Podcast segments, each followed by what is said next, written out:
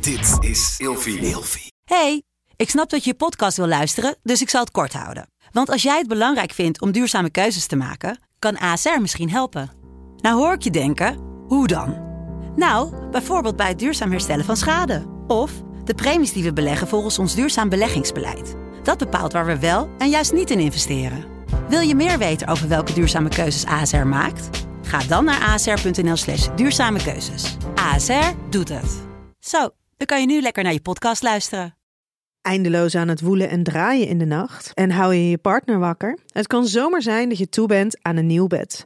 Gelukkig geeft Emma Sleep je nu 10% extra korting met de code RELATIEVRAGEN in hoofdletters. Op bijvoorbeeld de Emma Super Slaapbundel, waar je het bed gratis bij krijgt. Dus ga snel naar emmasleep.nl en bestel jouw bed.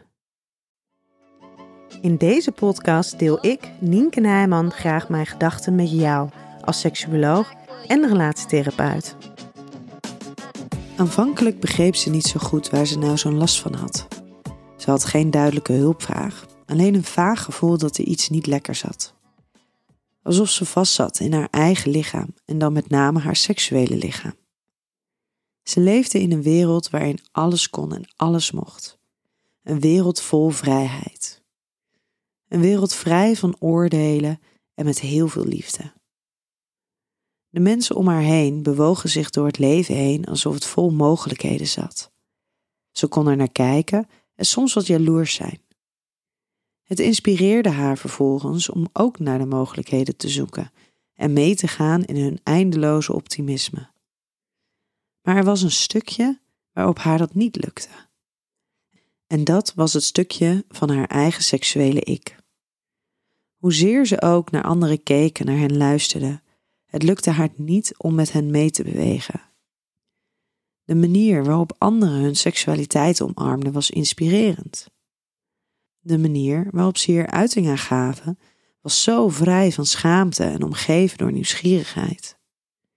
Maar voor haar voelde het vooral als een enorme druk om ook zo te moeten zijn. Ze had het idee dat zij ook zo vrij in haar eigen seksualiteit zou moeten zijn. Zo bekend en vertrouwd ermee. Maar het lukte haar niet. Ze was niet altijd nieuwsgierig en wist niet altijd precies waar haar lichaam op zou reageren met opwinding. In vergelijking met al die andere mensen voelde ze zich vooral heel klein en bleu. Alsof ze niet goed genoeg met haar seksualiteit in contact stond, en daardoor voelde ze zich ook minder vrouwelijk.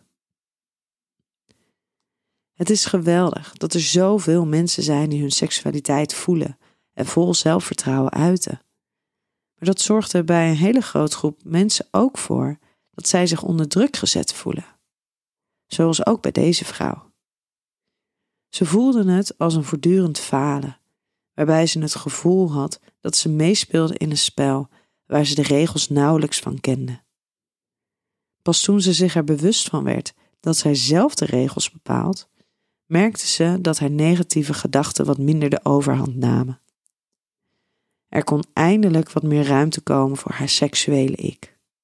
Ze kwam erachter dat zij haar seksualiteit wilde kleuren op een manier die heel anders was dan hoe de mensen om haar heen dat deden. Jarenlang dacht zij dat zij had gefaald, maar ergens hadden de mensen om haar heen gefaald. Ze hadden haar namelijk niet het gevoel kunnen geven dat werkelijk elke inkleuring van seksualiteit welkom is. En niet alleen een seksualiteit die doordringt is van nieuwsgierigheid, vrijheid en spanning. Met de code Relatievragen in hoofdletters krijg je 10% korting bovenop de 50% korting die je nu krijgt op het bed dat ik bijvoorbeeld heb. Dus ga snel naar emmasleep.nl en bestel jouw bed.